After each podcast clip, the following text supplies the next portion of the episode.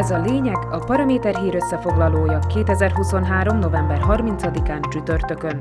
A nap legfontosabb eseményeit ma Sidó Árpád válogatta és kommentálja. A mikrofonnál Kuklis Katalin. A lényeg támogatója a Kaufland, ahol mindig jó áron vásárolhat.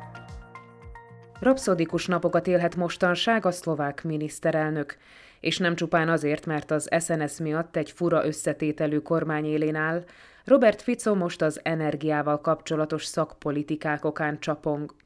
Míg a zöld energiát kibocsátó bősi erőműnél leesik az álla, olyan csodás beruházásban gyönyörködik a csalló közben, az árszabályozási hivatal ügyködése miatt meg szociális terroristákról hadovál, csak hogy elmondhassa, ő igazi nemzetmentőként nem engedi, hogy majd elszabaduljanak az árak. Csütörtökön a kormányfő népes delegáció élén ellátogatott Bősre, mert a Duna titkos szegleteit is ismerő politikust lenyűgözi Európa majdnem legnagyobb folyója, és amint kiderült, a zsilipkamrák is érdeklik a szmeres főmuftit. Ő már különböző delegációkkal járt a bősi objektumnál, és állítólag a vendégei alig akartak hinni a szemüknek, amikor megcsodálták Európa egyik legjelentősebb vízi erőművét amelyik miatt a 80-as, 90-es években sok vita folyt a Duna két partján élő nemzetek vezetői között. Ám mostanra ez már régen lecsengett. És most már az a kész helyzet, hogy a létesítmény szabályozza a folyam vízszintjét, egyszer mint védi a környezetét az árvizektől, alacsony energiaigényű, környezetbarát szállítást is biztosít, továbbá zöld energiát termel. Egy másik energiahordozóval kapcsolatban viszont más a helyzet. A gáz ára miatti téma kapcsán elpattant a húr Ficónál. Az árszabályozási hivatal ugyanis a napokban közölte, hogy amennyiben a kormány nem lép, januártól több mint 100%-kal emelkedik ennek a tüzelőanyagnak a díja a háztartások számára. Több se kellett a kabinet vezetőjének, és asztalt borított. Még mit nem? Ez a hatóság amúgy is csak egy előzetes kalkulációt tett közhírré, a szlovákiai háztartásokat feleslegesen terhelve olyan számításokkal, amelyek valójában nem is lépnek életbe.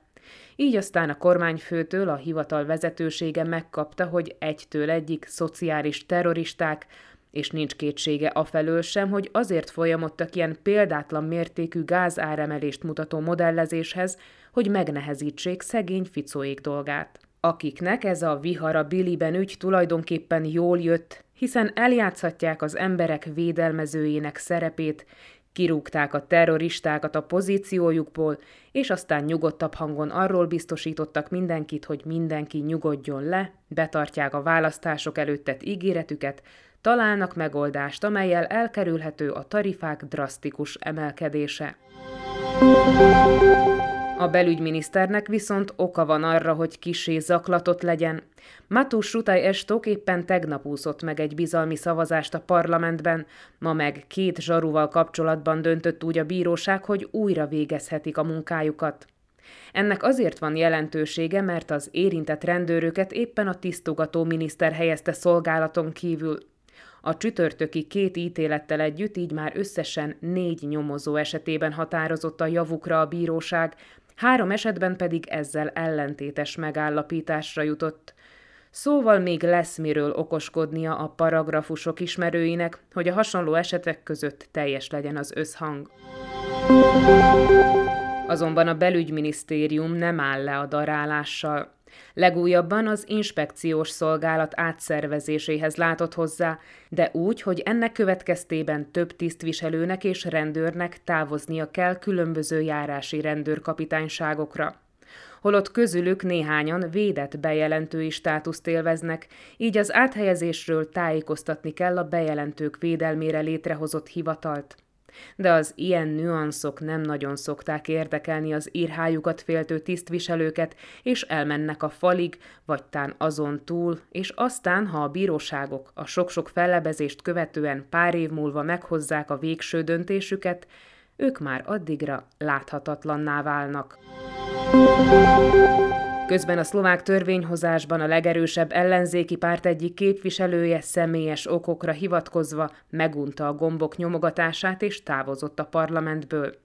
A progresszív Szlovákia honatjájának lépése meg oda vezet, hogy mivel a helyette érkező pártársa a szebbik nemet is képviseli, amint leteszi az esküt, a PS frakción belül többségbe kerülnek a nők. Hogy ez jót tesz a progresszív csapattal vagy sem, egyelőre nehéz megjövendölni, mivel hogy a szerkesztőségünk egyetlen tagja sem rendelkezik olyan paranormális képességekkel, mint a híres Baba Vanga jósnő. Sidó Árpád szerint ez volt a lényeg november 30-án csütörtökön, hírösszefoglalónkat minden hétköznap este meghallgathatják ugyanitt. Podcastjainkat pedig keressék a Paraméteren, illetve a Spotify, az Apple Podcasts, a Google Podcasts vagy a Podbean platformjain.